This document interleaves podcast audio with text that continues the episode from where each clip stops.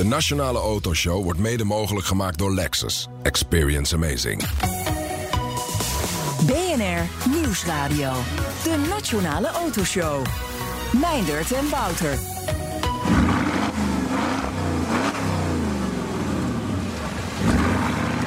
Niks mis met de stem van Wouter hoor. Uh, dit is gewoon de Porsche Cayenne Turbo uit 2004. Klinkt best lekker eigenlijk. Ja. Misschien trekt hij mij wel over de streep. De jacht is geopend. Vandaag begint de zoektocht naar een leuke youngtimer. Voor mij. Ja. En voor ieder ander die luistert. Maar ik wil eerst zijn. Taxateur Peter Luxwolda, die helpt straks een handje. Ik ook hoor. Ja, jij je ook. En eh, Road to Zandvoort hebben we natuurlijk ook weer. En hebben we een belangrijk onderdeel van het mobiliteitsplan. Mobiliteitsplan samen. Ja. Het was, een, het was een heel leuk gesprek. Vond je Ja, niet? We hebben nee, opgenomen. absoluut. Dus eh, nee, echt blijf luisteren. Ja, maar mobiliteitsplan klinkt saai, maar het was dus hoe is zo de datum bepaald saai. van eh, het, het, eh, het weekend? Ja, Dan ga je van de horen. Dutch Grand Prix. Van de Dutch Grand Prix. Hoe is die datum Het bepaald? gaat je verbazen. Het gaat je. Het, zal, het antwoord zal je verbazen. Wat er toen gebeurde. Ja, precies. Maar goed, we beginnen- luisteren dus. Maar we beginnen even met het coronavirus. Ja, je hebt allemaal Ja. spectaculaire onderwerpen Het hier. aantal besmettingen en het doodaantal, dat is natuurlijk heel vervelend, loopt op. Epidemie heeft ook grote impact op de auto-industrie. Eh, Koen Kramer, die is eh, chief engineer bij Great Wall Motor, Ja. een eh, grote autoproducent in China. En Ja. hij is nu bij ons in de uitzending. Hallo. Dag, Hallo. Gelukkig niet live in de studio, hè? Want je, bent Nee. mis- je bent misschien nog besmettelijk. Ja? Nee, ik was altijd weg. ja? Ja, Ja, ja. maar je je bent nu in Nederland, hè? Want niet in China. Ik heb al zes weken, toeval- toevallig al zes weken vakantie. Zo, dat is, ik- wij gaan ook in China werken. Zes weken vakantie. Lekker, joh. Ik dacht dat je daar een beetje werd afgebeeld, maar dat is dus niet zo.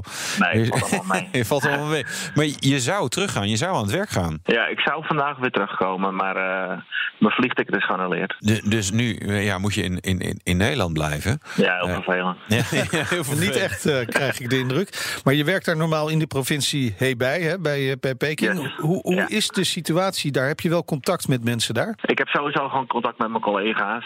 Ehm, gewoon met de communicatie heb je. eh, hoor ik gewoon wat er allemaal speelt, wat er gebeurt. En eh, ja, binnen onze, binnen mijn collega-groep is er, eh, is voorlopig nog niks aan de hand. Niks aan de hand. Er zijn natuurlijk wel een hoop consequenties. De boel ligt een beetje plat en aan banden, maar eh, er zijn geen, eh, geen eh, mensen ziek. Een beetje plat, eh, zeg je. En Dat klinkt als een beetje zwanger. Gaat de Nee, productie het gewoon gewoon door? plat dat Ja. er gewoon niks gebeurt. Eh, de productie eh, gaat stil. De, Ja. iedereen heeft gewoon lange vakantie. Iedereen blijft ook thuis. En er zijn weinig mensen op straat. Dat is zeg maar even vanuit een bedrijfsmatig perspectief. Dat kost echt gewoon honderden miljoenen als je, als je dat eventjes een tijdje doorzet, toch? Dat denk ik wel, dat het aardige consequenties gaat hebben, ja. Maar ja. Want, want hoeveel, hoeveel auto's worden er normaal gesproken eh, geproduceerd bij eh, Great Wall Motor, bij, bij die fabriek daar? We doen 1 miljoen per jaar. 1 miljoen per jaar. Ja. Oké, ja. Dat zijn er eh, 20.000 per week, nou, zeg ik dat goed? Eh, ja, moet even rekenen hoor. Ja, ja. Dus, dus als je een weekje stil ligt en 20.000 auto's, ja, het gaat wel hard. Dus dat is Ja. best wel een impact. Ja, en ik denk ook dat mensen op dit moment niks kopen. Want als je de, als je de deur niet uitgaat, dan eh, wordt er ook niks verkocht. Ja. Eh, verkopen jullie niet eh, online dan met Great Wall Auto? Want ja, mensen zitten vervelen, dan, eh, ja, dan ga je maar gewoon online dingen kopen. Dat zou wel de makkelijkste oplossing wezen, ja. ja. Maar er moet altijd nog iemand die auto ergens naartoe sturen natuurlijk. Ja, een beetje leeftijd. En dan is het eerst, en dan is het weer opgelost. Ik hopelijk. denk niet dat dit, dat dit echt de dingen zijn waar mensen zich nu zorgen om maken. Nee, bedoel, precies. Nou ja, maar economisch heeft het natuurlijk wel grote Ja. impact. Eh, dit Ja. zijn grote bedrijven. Great Wall Motor is niet de Ja. enige autoproducent in China, bepaald niet. Het zijn hele grote, grote producenten. Ik kan me Ja. voorstellen dat eh, bij de overheid wel enige zorgen zijn over de economische situatie ook. Ja, nou, van dat krijg ik allemaal op dit moment niet zoveel mee. Eh, het gaat eh, op dit moment meer een beetje om de gezondheidssituaties waar iedereen zich moment zorgen om maakt. En we je, proberen een beetje contact te houden om de Ja. projecten straks toch weer een beetje okay. erin te krijgen. dus een beetje thuiswerken, klein beetje thuiswerken. Heb je enig idee wanneer je wel weer terug naar de China kunt gaan? Nee, het is nu gewoon eh, ja, wachten op verdere informatie. Maar eh, ja, ik denk dat het sowieso lastig wordt. Vanaf volgende week gaat er ook niet gevlogen worden. Dus eh, ik denk gewoon even kijken wanneer de boel weer een beetje onder controle komt. Je vakantie in Nederland verlengen en dat eh, vind je volgens mij Ja. op dit moment helemaal niet zo heel erg. Nee hoor, net vader geworden van, van een tweede zoontje. Dus eh, genoeg te doen hier. Gefeliciteerd. Dankjewel, Ja, dus Koen dat was ook de Kramer. reden van de lange vakantie. Ja, Ja, precies. ja. Nou, gefeliciteerd nogmaals. Dank. Dankjewel. Koen Kramer, chief engineer bij autofabrikant Great Wall Motor in China. De Nationale Autoshow. Heb jij je alarm al gezet? Ja, voor de brexit. Hè? Ja. Dat is echt gewoon vannacht. 12, ja, is dat dan Britse tijd of Nederlandse tijd? Dat is ook, nou, Lastig. Het, het, het zou grappig zijn als ze dat nog niet eens met elkaar hadden besloten. Van, ja, welke tijd? eh, oh, wanneer gaat? Oh ja, maar bij in- ons is het pas over een uur. Ja, ja, wat is dit voor geks? Ja. Eh, ja, best bizar. Maar uiteindelijk verandert. Ja, er wordt, het gebeurt wel, maar toch is ook een soort. soort eh, Ja, we, stellen nog heel veel uit of zo. eh. We hebben nog elf maanden tot eh, 31 december de tijd om Ja. Deal te maken op allerlei vlakken. En dat geldt natuurlijk ook voor autotoeleveranciers. Want eh, heel veel Nederlandse leveranciers die leveren allerlei toebehoren voor auto's naar Groot-Brittannië. Daarover gaan we praten met Anne-Jaap Dijnem. Hij is namens de FME manager bij de NEVAT. Is de branchevereniging voor toeleveranciers, verantwoordelijk voor de afdeling Holland Automotive. Welkom, fijn dat je er bent. Dankjewel. Ehm, ja, er, wordt- er wordt natuurlijk al jaren inmiddels over de Brexit gesproken. Nu gaat het echt gebeuren. Vanavond, 12 uur. Wat gaat er veranderen als het 1 over 12 is? Voor de toeleveranciers eigenlijk heel erg weinig. Oh, Op dit moment. We hebben al een. Nou ja, jullie eh, memoreerden er net al aan. Eh, we kijken al een hele tijd met elkaar in een grote glazen bol. Want wat gaat er nou eigenlijk gebeuren? En ja, die brexit is nu al een voldongen feit. Blijft een grote hysterische fout, mijn inziens. ja. Maar nu gaan we eigenlijk de komende elf maanden weer een hele onzekere periode tegemoet. Want hoe gaat het handelsakkoord ja. eruit komen? Nou, nou, nou hebben we er jaren over gepraat. Ja, wij zelf niet zozeer, maar eh, de heren en dames politici met name. Jaren over gesproken om uiteindelijk tot een Brexit te komen. Nu geven ze zichzelf elf maanden om tot een deal te komen, een handelsakkoord. Ja, ja, ik ben blij dat ik zelf niet aan tafel zit. Nee, dat, dat- lijkt mij een dat- zeer eh, grote Dat uitdaging. moet heel intensief. Dat wordt nachten doorhalen, denk ik dan. Als je dat wil halen. Ik heb mij laten vertellen dat het een hele grote uitdaging eh, gaat worden. Eh, als je kijkt naar andere eh, handelsakkoorden eh, die ook gesloten zijn, hè, bijvoorbeeld met Brazilië of Mhm. Canada of Japan, eh, daar is jaren overheen gegaan voordat men tot een akkoord kwam. Ja, maar hier heb je natuurlijk een lekkere deadline. Dat helpt natuurlijk ook wel eens om, om, om wat meer tempo te maken. We hebben straks eh, ProRail over eh, spoorverbeteringen naar Zandvoort. Ja, dat duurt normaal eh, ook Jaar wat langer. Ja, volgens Normaal. mij wel. Ja, ja. En, en nu, ja, die, hè, over een paar maanden racen ze al daar. En, en hopelijk rest is het publiek. Dus dat helpt wel, een deadline. Eh, een deadline eh, zal altijd eh, kunnen Ja. helpen. Het mooie van een deadline is dat je ook hem wat makkelijker kunt opschuiven. Zeker in Europa is de, zijn de Ja, mogelijkheden is daar wat breder voor ja. dan ten opzichte van een Formule Ja. 1 circuit. Dus Ja, ja, dat, ja, dat, is waar. Maar ja, dat- dat- Ah, dat geeft- 20 ja, ze- zeiden we Maar- 2021, ik bedoelde 2121. Dus we Ja, hebben nog 100 maar jaar. Dat, dat, dat is natuurlijk voor ondernemers niet heel erg prettig. Nee, nee ondernemers, Want dan blijf je langer in onzekerheid. Dan is zo'n harde datum eigenlijk wel prettig. Dan weet je, oké, vanaf dat moment ben ik daar aan toe. Dat willen ondernemers natuurlijk gewoon weten. Ja, kijk, eh, eh, heel veel ondernemers zitten eigenlijk in een dubio. Het liefst hebben ze zo snel mogelijk duidelijkheid. Ja. En eh, die duidelijkheid zou eigenlijk eh, einde van dit jaar er kunnen zijn. Aan de andere kant hebben ze zo'n, het liefst zo'n best mogelijke deal. En zo'n best mogelijke deal is eigenlijk dat we op de oude voet met Ja. elkaar door kunnen gaan. En ja, daar moet je met elkaar over gaan praten. En dat heeft dan weer tijd nodig. Ja. Dus het- ja, Ja, eh, dus, dus een eventueel uitstel zou ook weer niet zo heel erg zijn voor die ondernemers. Want hoe langer die onderhandelingen duurt, duren, hoe langer de huidige situatie tot stand blijft. Ja, ja, ja je, stand houden. je, je, je blijft een status quo houden in, Ja. in dat opzicht. Eh, met wel als nadeel, van ja, als je moet gaan investeren en je weet dat zo'n brexit eraan komt, wat ga je dan doen?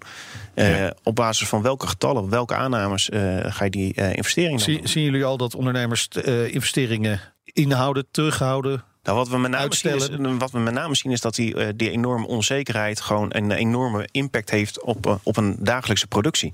En dat maakt wel uit dat, dat ondernemers wel zich wel twee keer achter de oren krabben van, van ja, ga ik nou wel of niet met zo'n investering aan de gang? Ja. Is het dan bijna concreet zo dat als eh, stel hè, Aston Martin vraagt een offerte op voor eh, schuifdaken of zo, of stoelen of eh, weet ik veel schroeven, eh, dat een ondernemer dan denkt, ja, ik kan wel offerte uitbrengen, maar eigenlijk heb ik hier misschien helemaal niet zo'n trek in. Want als ik ja krijg, dan weet ik nog steeds niet wat, hoe dat precies gaat. Normaal denk je, oh, handel is goed. Maar hier is het dan misschien dat je denkt, nou, die handel, die laat ik even aan me voorbij gaan. Nee, op dit, op dit moment nog niet. Kijk, hè, Ja. de on- ondernemers zijn ook eh, eh, mensen die graag willen ondernemen en Ja. eh, de kansen willen pakken. Dus zeker als een Aston Martin eh, belt, Ja. eh, Ja. Dan, dan zullen ze daar eh, zeker het telefoontje En beantwoorden. ze hebben nu En wat geld daar, dus... eh, ja, daarom. Ja. Familie Strol heeft een beetje geïnvesteerd. Ja, precies. Maar ik kan me wel voorstellen dat je als ondernemer ook rekening mee moet houden dat eh, ehm, eh, een, een deal uit, met, met een Britse onderneming, dat ze, dat zij een bestelling doen en dat ze, dat ze in Groot-Brittannië een voorraad willen hebben. Dus nu een grote bestelling en straks droogt het misschien op. Eh, dat, dat, dat is heel erg goed mogelijk. Hè. En, en een ander, veel groter risico is op dit moment dat we eh, allemaal afspraken met elkaar hebben over bijvoorbeeld productkwaliteit, over eh, welke materialen we wel en niet toepassen, over de data, hoe we dat met elkaar gebruiken. En de grootste vraag is eigenlijk van ja, naar, eh, als we een akkoord sluiten, of er komt geen akkoord en het wordt een no-deal, hoe gaan we daar dan mee om? Ja. En die producten blijven nog wel hetzelfde, alleen ze krijgen het certificaatje niet meer mee. En in de automotive is kwaliteit een hele belangrijke waarde. Ja. Eh, men wil gewoon zeker weten dat je de juiste producten hebt. Daar horen die certificaten bij. Ja. En als we daar met elkaar geen afspraken over hebben gemaakt, Ja. dan Maar voor wie is dat het grootste probleem als dat certificaat niet bij is? Volgens mij dan voor- uiteindelijk voor de autofabrikant, toch? Of, of, of- uiteindelijk voor de autofabrikant, maar de autofabrikant heeft het ook keurig teruggelegd in de keten. Dus Ja. ook de toeleveranciers eh, moeten die certificaten hebben. Eh. Die moeten er ook allemaal aan kunnen voldoen. Ook de leveranciers van de toeleveranciers moeten dat ook eh, hebben. Zo zijpelt het helemaal door in die keten. Dus uiteindelijk, eh, het is niet alleen maar van die autofabrikant een probleem. Het is ook voor de toeleverancier een hele grote uitdaging. Lekker. Hoe belangrijk is eh, Groot-Brittannië voor de autotoeleveranciersindustrie? Zeer belangrijk. Ja? Ehm, het is de tweede afzetmarkt voor de Nederlandse toeleveranciers na Duitsland. Dus ja, dit heeft echt enorme impact. Het dus. heeft een enorme impact. Jaarlijks gaat er een, eh, voor een miljard eh, richting het Verenigd Koninkrijk aan, eh, aan materialen van toeleveranciers. hoe, hoe groot is die markt totaal? Hoeveel je- procent is je, het, Groot-Brittannië? Eh 10 procent. 10 procent. 10 procent, ja. Het hakt er wel, wel in dus. Dat, dat hakt er zeker in. Ja. Ja. En zijn er nog speciale onderdelen die juist naar Engeland toe gaan, naar Groot-Brittannië? Nee, ja, nee, speciale nee. Er gaat werkelijk van alles de grens over. Van, van schroefjes tot met eh, de deurcomponenten, kunststofcomponenten, rubber, ehm, schuifdaken. Je kunt zo gek niet verzinnen of het gaat wel die kant op. Ja, en volgens mij zijn er ook wel weer producten die eh, twee keer de grens overgaan. Hè? Ze gaan naar Engeland, schroefjes gaan naar Engeland en dan komen ze in, in iets geschroefd weer terug. En dan, dan Ja, gaan ze ja, misschien nog wel een keer terug om al- alsnog in de auto te komen. Ja. Nou ja, dat, dat, is dan ook meteen de grootste uitdaging als je kijkt naar die hele productregelgeving. En producten komen uit meerdere landen, worden bijvoorbeeld samengesteld in een fabriek in eh, het Verenigd Koninkrijk. En worden vervolgens hier in Nederland eh, toegepast in een vrachtwagen of in een bus of Ja. in een autofabriek. Ja. Ehm, en Of in een mini, in, in Netcar, is ook wel interessant hè. En dan worden die geëxporteerd naar Engeland en dan kan dat allemaal niet. Weet je wel. Ja, ja, nee, maar goed, dat, dat zijn dus eh, eigenlijk allemaal uitdagingen. Maar inderdaad, producten gaan meerdere keren de grens over. En daarom is het ook zo belangrijk dat die productregelgeving zo meteen, eh, ja, officieel gezegd, geharmoniseerd wordt. Ja. Ja. Maar ze kunnen, eh, zouden kunnen zeggen van... joh, wij nemen gewoon de EU-regels over. Dat is het makkelijkste. Dat zou het eh, allermakkelijkste zijn. Ja, en dan zouden en- er heel veel problemen eh, opgelost worden. Maar, maar gaan ze dat doen? Ja, en dan is het weer die hele grote glazen bol. Ja. Nou, je hoort eh, toch ook wel geluiden daarover, kan ik me voorstellen. Het is niet zo dat je alleen maar in die glazen bol zit te kijken. Je praat ook met mensen.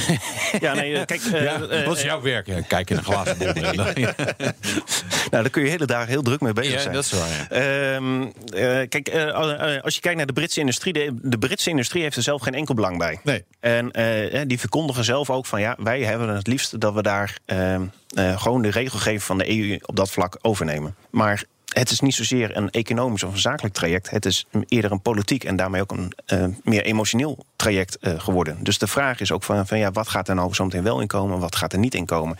En voor het Verenigd Koninkrijk, van, ja, hoe kunnen we onze eigen leveranciers en toeleveranciers het best mogelijk beschermen? En bijvoorbeeld voordelen geven in zo'n akkoord ten opzichte van de leveranciers hier in Nederland. Ja, ja. En, en, Maar daar gaan jullie voor liggen natuurlijk. Dat gaat nooit gebeuren. Dat kan niet. Eh, kijk, hè, de inzet van FME en daarmee ook de inzet van NEVAT is wel dat we uiteindelijk dat gelijke speelveld willen houden. Eh, daar heeft iedereen het meeste baat bij.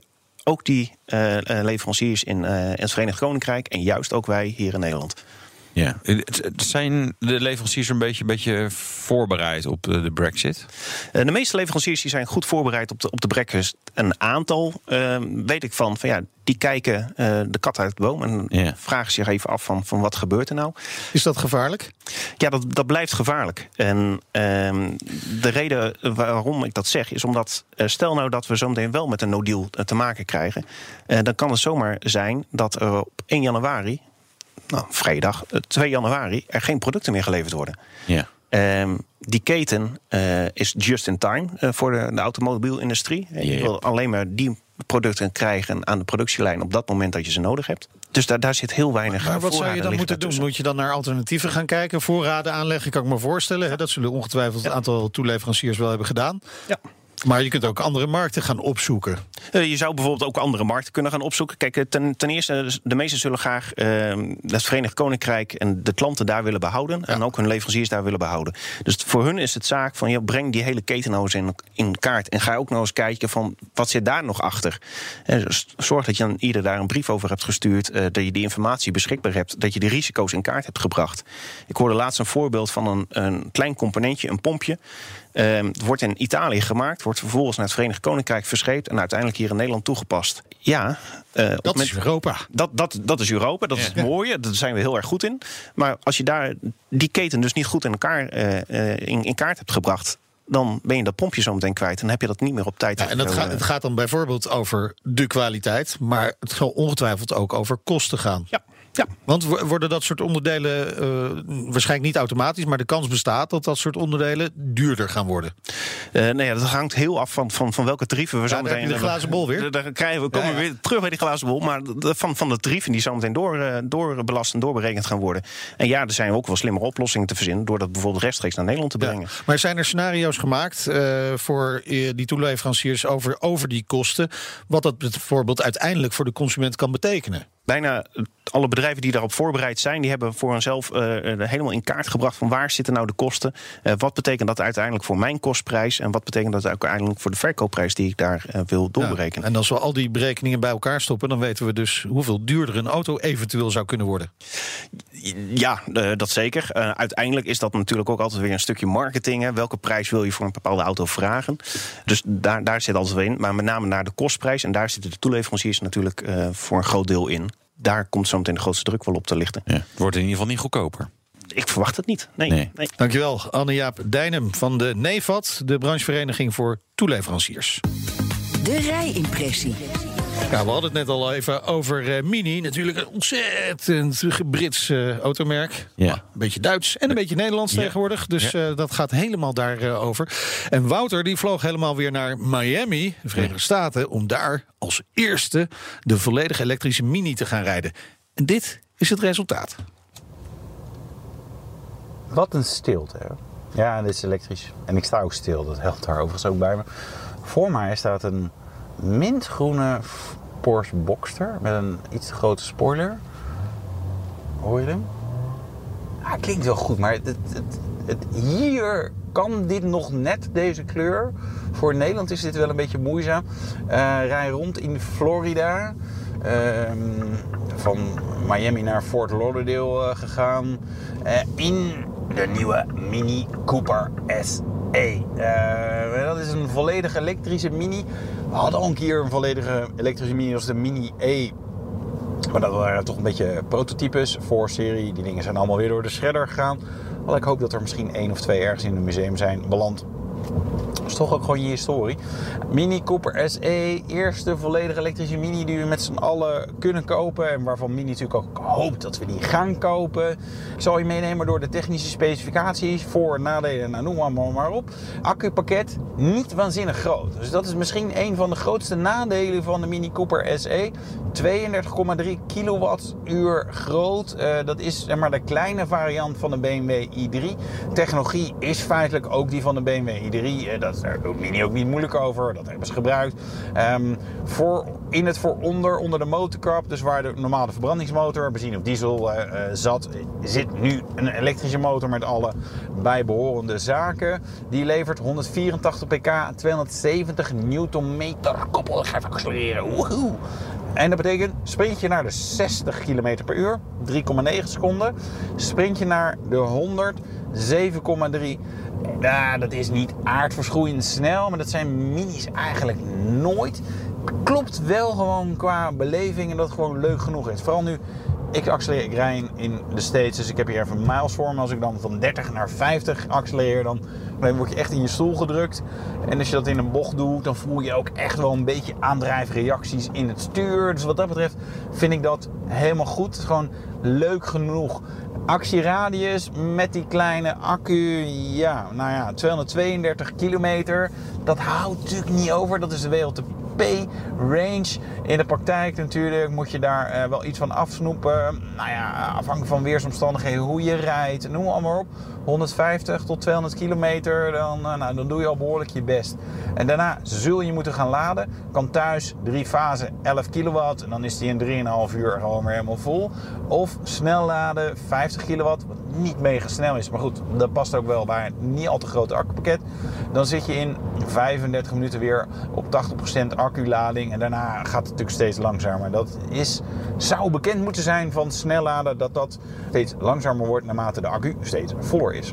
Ehm, kan rijden, heeft een mooie balans. Het voelt wel gewoon echt als een mini.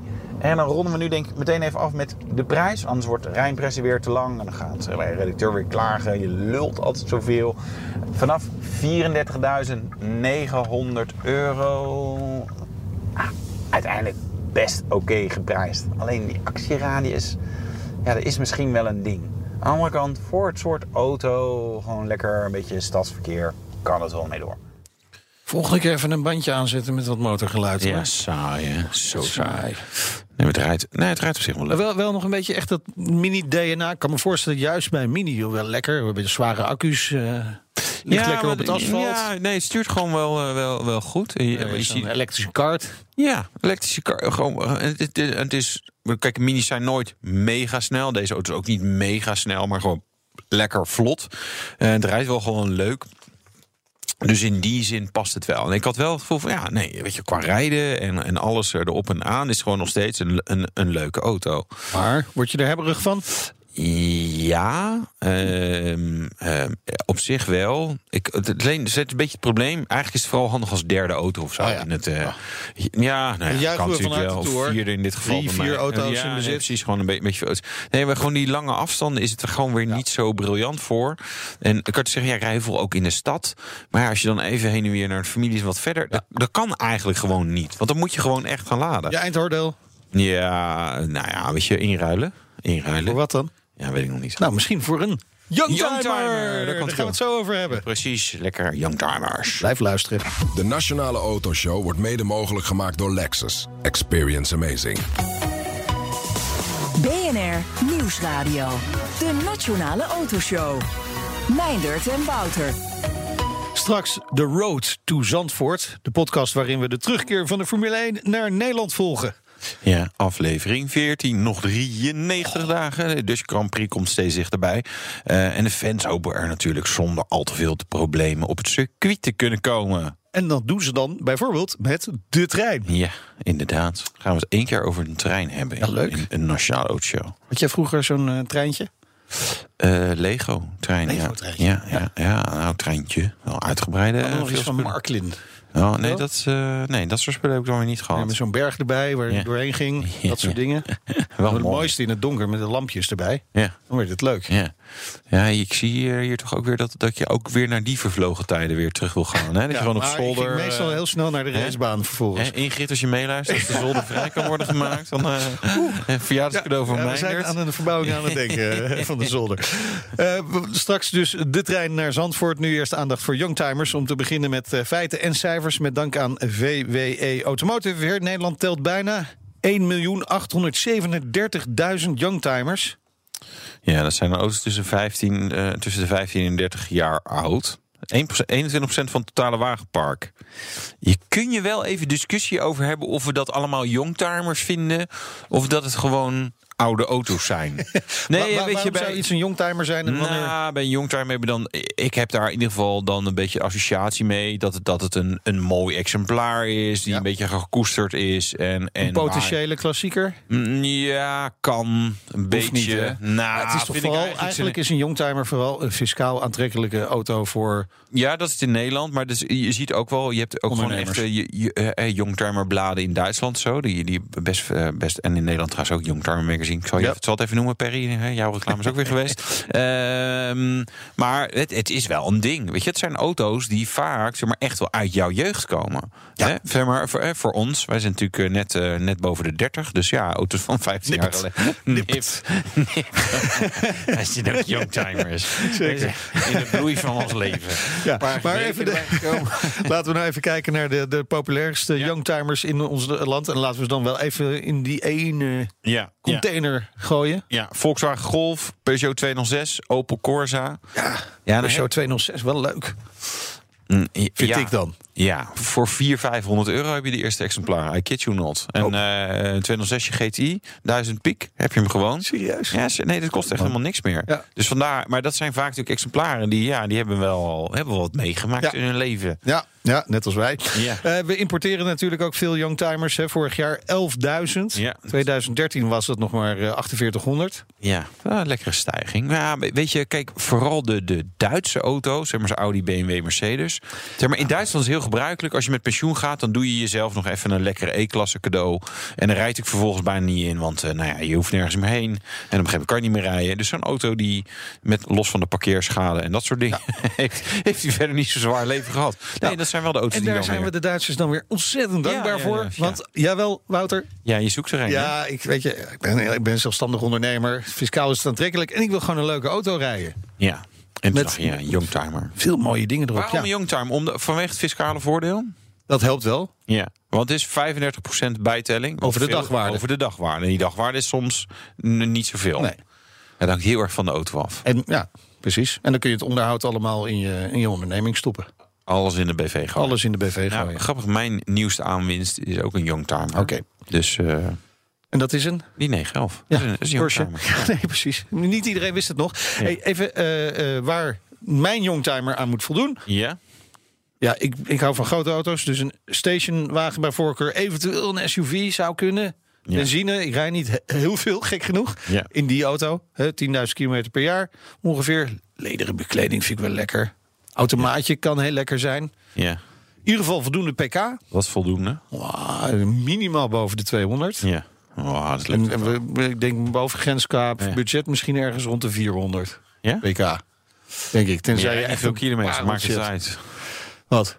Maakt het niet uit. Maar ik wil af en toe lekker inhalen. Ja, nee, maar ik bedoel, het maakt het niet uit of die, of die meer pk Nee, oh, nee, nee, nee, nee. Maar ja, als je er eentje vindt met, met 500 pk, vind ik het ook goed. Is ook goed. Ja, nee, prima. Betaalbaar, goed Nou ja. verzekerbaar en niet al te onzuinig. Nou, Weinig tot, tot geen schade. Nou, ik zit ongeveer budget 15.000 euro. Wilden we wilden gaan zoeken. Wij hebben iemand gast die staat te popelen om met ons mee te doen in deze discussie. Peter Luxwolda van Gratema en Luxwolda Classic Car Taxaties. Hele mond vol. Correct, ja. Maar dan moet het wel goed zijn. Eh, welkom. Eh, jij, bent, jij bent even eh, voor mij aan de slag gegaan, hè? Ja, ja, ik ben gaan kijken. Ik wou wel nog eerst even een nuancering aanbrengen Ja. op het begrip youngtimer. Want 15 tot 30 jaar vind ik een beetje te grof. Ja, vonden wij ook hoor. Ehm, eh, het is meer in mijn optiek ja, 15 tot 20 jaar. En ouder, meer dan 20 jaar, dan worden het inderdaad echt oude auto's. Dus tenzij het in potentie. Pareltjes zijn. Ja, Ja, ja. het klassiekers zijn. Hè, maar een Volkswagen Golf van eh, 21 jaar oud vind ik geen youngtimer. Dat vind ik gewoon een oude behalve als auto. het een GTI is met eh, weinig Behalve kilometers. als de GTI Of of, een, een, eh, of, Ja, er of moet een, iets- er of moet een iets moet iets Het- het- speciaals het- bij zijn. Het moet iets speciaals Ja, zijn. Ja, precies. ja. Oké. Dus, dus die, Dat gezegd hebbende, ja. Ehm, ja, ik ben aan de, aan, de, aan de slag gegaan aan de hand van de criteria. Ik moet wel zeggen, met name het criterium eh, station of SUV, dat beperkt wel. Ja. Want ik zat eerst in mijn hoofd met auto's als bijvoorbeeld Maserati 200 GT, eh Jaguar XJ. toch een eh, beetje te twijfelen. het is dat, soort, dat soort auto's valt dan buiten Ja, de boot. ja. Maar goed, er blijven wel een aantal leuke auto's over. Ehm, ik heb drie stationwagens gevonden en twee SUV's. Oké. Een beetje braaf beginnen. Volvo V70 2.5T all-wheel drive automaat. Ja, dus is eigenlijk de XC70 dan. Toch? Ja, ja, nee, ik, ja, dat is uitvoering weer ietsje anders. Maar, Ah, dat is, ja, maar, maar inderdaad wel Ja. een uh, uh, all-wheel drive. Ja. Vierwielaandrijving. Eh, Als het nog doet, hè, all-wheel drive eh, bij die generatie Volvo's. Doen we Ja. vaak niet. Ja, maar goed. Ja. Dit is een, eh, een exemplaar met ja, relatief beperkte ervaring. 108.000 kilometer. Bouwjaar 2002. Eh, mooie uitvoering. En daar wordt eh 14.950 euro voor gevraagd. Eh, heeft net boven de 200 pk. 209 pk. Ah, En ook nog als extra voordeeltje dat het een BTW-auto is. Ah, en dus de. BTW die Ja. hierin zit is dan eventueel nog aftrekbaar. berekenbaar. Ja, dat is fijn. Oké. Ja. En dan krijgen we de eh, erg leuke auto, een BMW 525i Touring Special Edition. Het is een eh, ja, ook eh, erg luxe en mooi uitgerust eh, BMW E39. Ehm, Maar, ja, maar een E39, die is in 96 geïntroduceerd. Dus dan, dan gaan we de allerlaatste E39, terwijl je ook een Ja. generatie jonger kan. Ja, dat, dat klopt, maar dan kom je vaak qua prijs niet helemaal uit binnen het budget. En ja, dit is toch ook een erg leuke auto met ook slechts 120.000 kilometer. Wel aan de ondergrens qua pk's, 192 pk. maar goed, eh, hele mooie uitvoering. En eh, ook 14.950 euro. Ja, ja, ja. Dus dat is ook een. En, ja, en kwalitatief zijn dat natuurlijk goede auto's. Ja. Dus ik heb ook speciaal gekozen voor ja, Duits eh, voornamelijk. Hè, omdat ja, als je toch in zo'n auto rijdt en de auto is toch minimaal 15 jaar oud. De materialen die zijn gebouwd bij de fabricage van de auto's zijn toch net even beter dan Ja. auto's uit een lager segment. En dat komt met name naar voren als de auto ouder wordt natuurlijk. Precies. Ja. Oké. Dan hebben we nog iets spannends. Een eh, Mercedes-Benz E320 Brabus. Oeh. Eh, ik weet niet eh, hoe de directie thuis erover denkt. Maar het is natuurlijk wel een, eh, een eh, ja, spannende komt op de auto. zaak, hè, dus de directie thuis heeft er niets over Nee, te precies. vertellen. En anders is Brabus misschien een eh, opkomende designer van tassen en schoenen. Maar ehm, Dankjewel voor die tip. ja, ehm, het is Brabus. Hè. Dat betekent dat hij dus, dus een Duitse tuner. Ja. Dat, die, dat die motor eh, wat is eh, opgepept met andere nokkas onder andere en, en dergelijke. Eh, de 239 pk, 84.000 kilometer slechts. Kijk. Bouwjaar 2000, dus eh, dat is 20 jaar oud.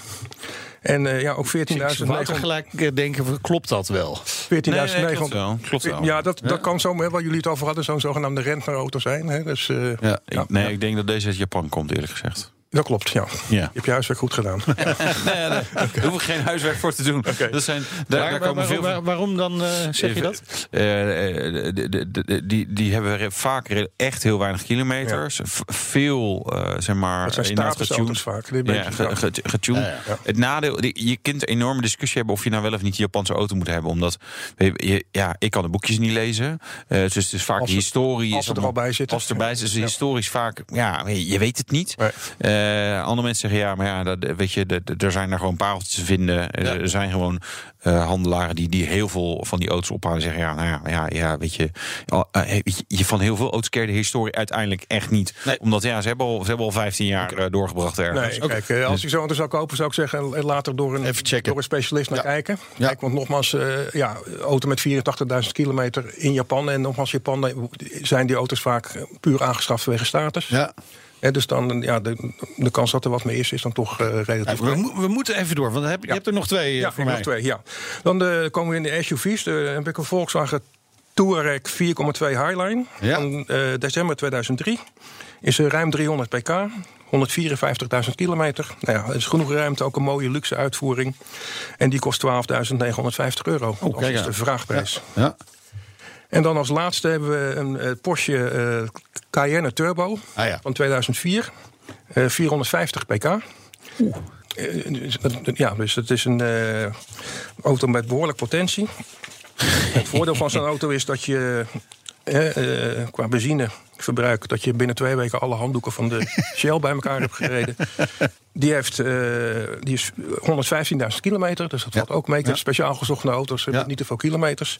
En die is 14.800 euro met ook weer de BTW verrekenbaar. Kijk, dat, dat is wel aantrekkelijk. Ja, want ja. want je- met zo'n eh, Cayenne weet ik wel dat je qua onderhoud wel de Bietenbrug op kunt gaan. Het is eh, ja, de onderhoudskosten een van, van dit hebben. soort auto's. Hè, de- ja, die ligt wat, wat hoger dan, Ja. eh, dan een reguliere eh middenklasse. Dat is, nogal dat is goed. understatement. Ja. Dit is een Porsche. Dus Ja, dat- maar goed, heb je ook weer... Kijk, als je gaat naar die eh, Ferrari, Maserati... is het nog weer erger. Hè, dus, maar ja, Porsche is, is wel hoger dan een, natuurlijk dan een eh, Ja. gemiddelde BMW of Mercedes of eh, wat. Ja. Ik kom, ik kom even met, want Erik van Putten die heeft ook even een lijstje doorgestuurd. Daarna mag jij nog even, Wouter.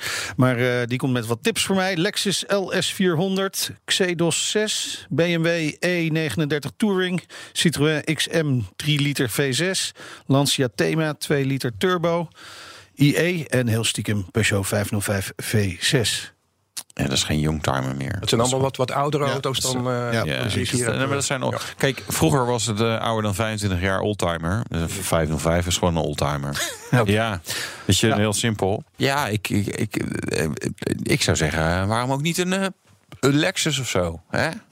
Ja, nee, word je enthousiast van? Ja, dat weet ik. Een nee. RX. Ja. Ik vind, vind een beetje die, vijf- die- ik vind de Lexussen van nu vind ik echt wel heel erg mooi geworden. Maar ik vind die Lexussen van 15 jaar oud wel een beetje oudbollig. eh. En iets minder spannend dan eh, het rijtje wat ik hier Eh, had. Akio Toyota heeft niet voor niets gezegd. eh het moet moet, wat meer sexy. eh, ja. ja. Nee, ik vind dat. Nee, dat, dat, nee. Ik Ja. begrijp dat ze heel, heel degelijk zijn, volgens mij. Heel luxe. Ja, Maar nee. betrouwbaar. Ja. Zuinig. Maar Ja. ja, dat wil je, zoek je allemaal niet. Hè. Dus je, wil- je wil eigenlijk gewoon in die Cayenne Turbo. En een innige relatie met eh, de bandenleverancier.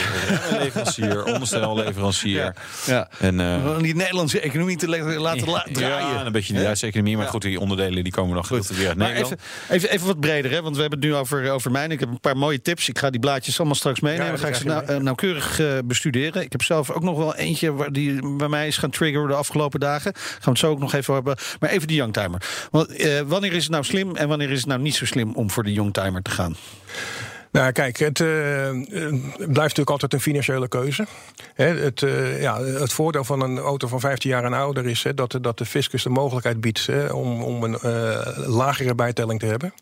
Hè, wat, wat, wat een voordeel is. Aan de andere kant kun je ook zeggen, ja, eh, hoe krom is het systeem dat je eh, van een auto van 14 jaar oud net zoveel bijtelling hebt als een auto van 1 jaar oud. Hè? Ja. Eh, dus dat, maar goed, ja, die, die mogelijkheid is er. Ehm, de charme is natuurlijk dat je, dat je toch in, iets, in een auto rijdt met, met iets meer emotie hè, dan dat je een hedendaagse nieuwe auto koopt. En ja, eh, ja, dit soort auto's zijn vaak net iets spannender dan, eh, ja, dan een tegenwoordige willekeurige Mazda of Toyota of wat dan ook. Ja. Dus, eh, Ja, oké, maar dus, dan, dan zijn, dit ja. zijn wel de, de waarden die jij eraan hangt. Want Ja. je kunt natuurlijk ook als zeg maar jonge ZZP'er... kun je ook gewoon lekker een, iets heel degelijks uit Japan als youngtimer nemen. en Ja, dan nou kijk, heel goedkoop Als een beginnende ZZP'er, dus de, de basis aanschafprijs... Die, die ligt natuurlijk een stuk lager dan dat je een moderne auto koopt. Hè, plus inderdaad de lagere bijtelling. hè. Ja, dus, dus de, de voordelen liggen vooral op het, eh, op het financiële vlak. Ja, maar juist omdat je ook aan de andere kant met, met onderhoud zit... zou ik zeg ik ook van eh, maximaal 20 jaar oud. Want anders dan gaat dat toch allemaal veel meer oplopen. En het liefst met, met een lage kilometerstand. Lage kilometerstand, heb jij nog iets eh, daaraan toe te voegen? Bijvoorbeeld ja, motorinhoud?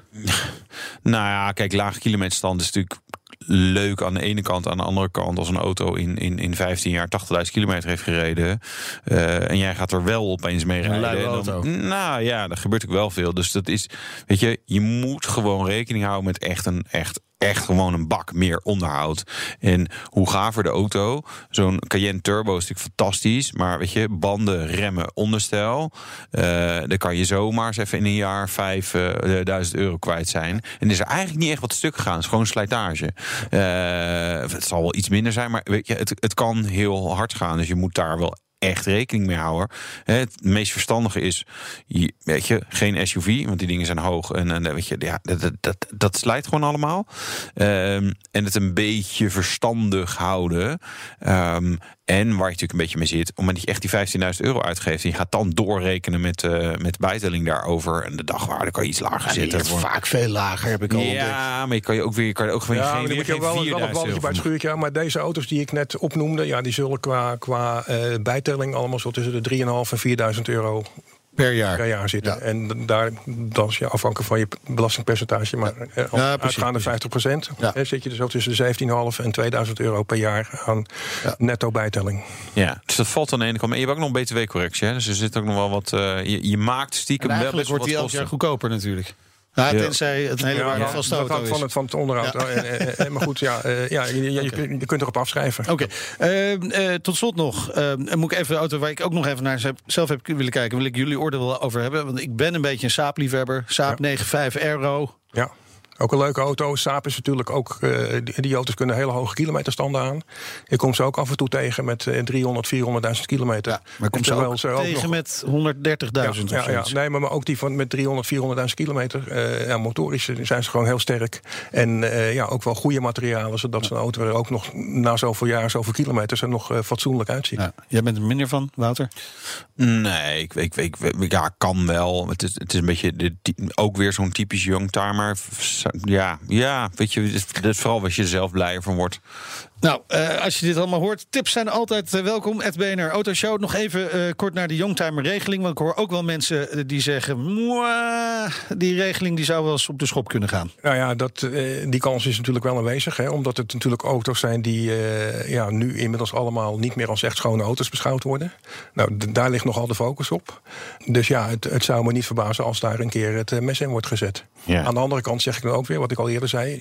ga dan ook iets anders regelen met auto's die, eh, tussen de 1 en 15 jaar oud zijn. Ja. Dat, je, dat, je, dat dat wat rechtvaardiger gaat. Kunnen ook een youngtimer jury oprichten die gewoon bepaalt welke wel de bijtelling krijgt, een Ja. youngtimer welke niet. Ja. Daar zitten wij dan in. Ja, aan de andere kant krijg je dan allemaal mensen met BMW 5-series. Want dat is wat iedereen eh, dan kiest. oké, en eh, Oké, oké, oké. wel wat spannender. Ja, spannend, spannend kleurtje, heb ik ook al gehoord. We gaan, we gaan de zoektocht eh, voortzetten. Ik ben in ieder geval weer een stap verder.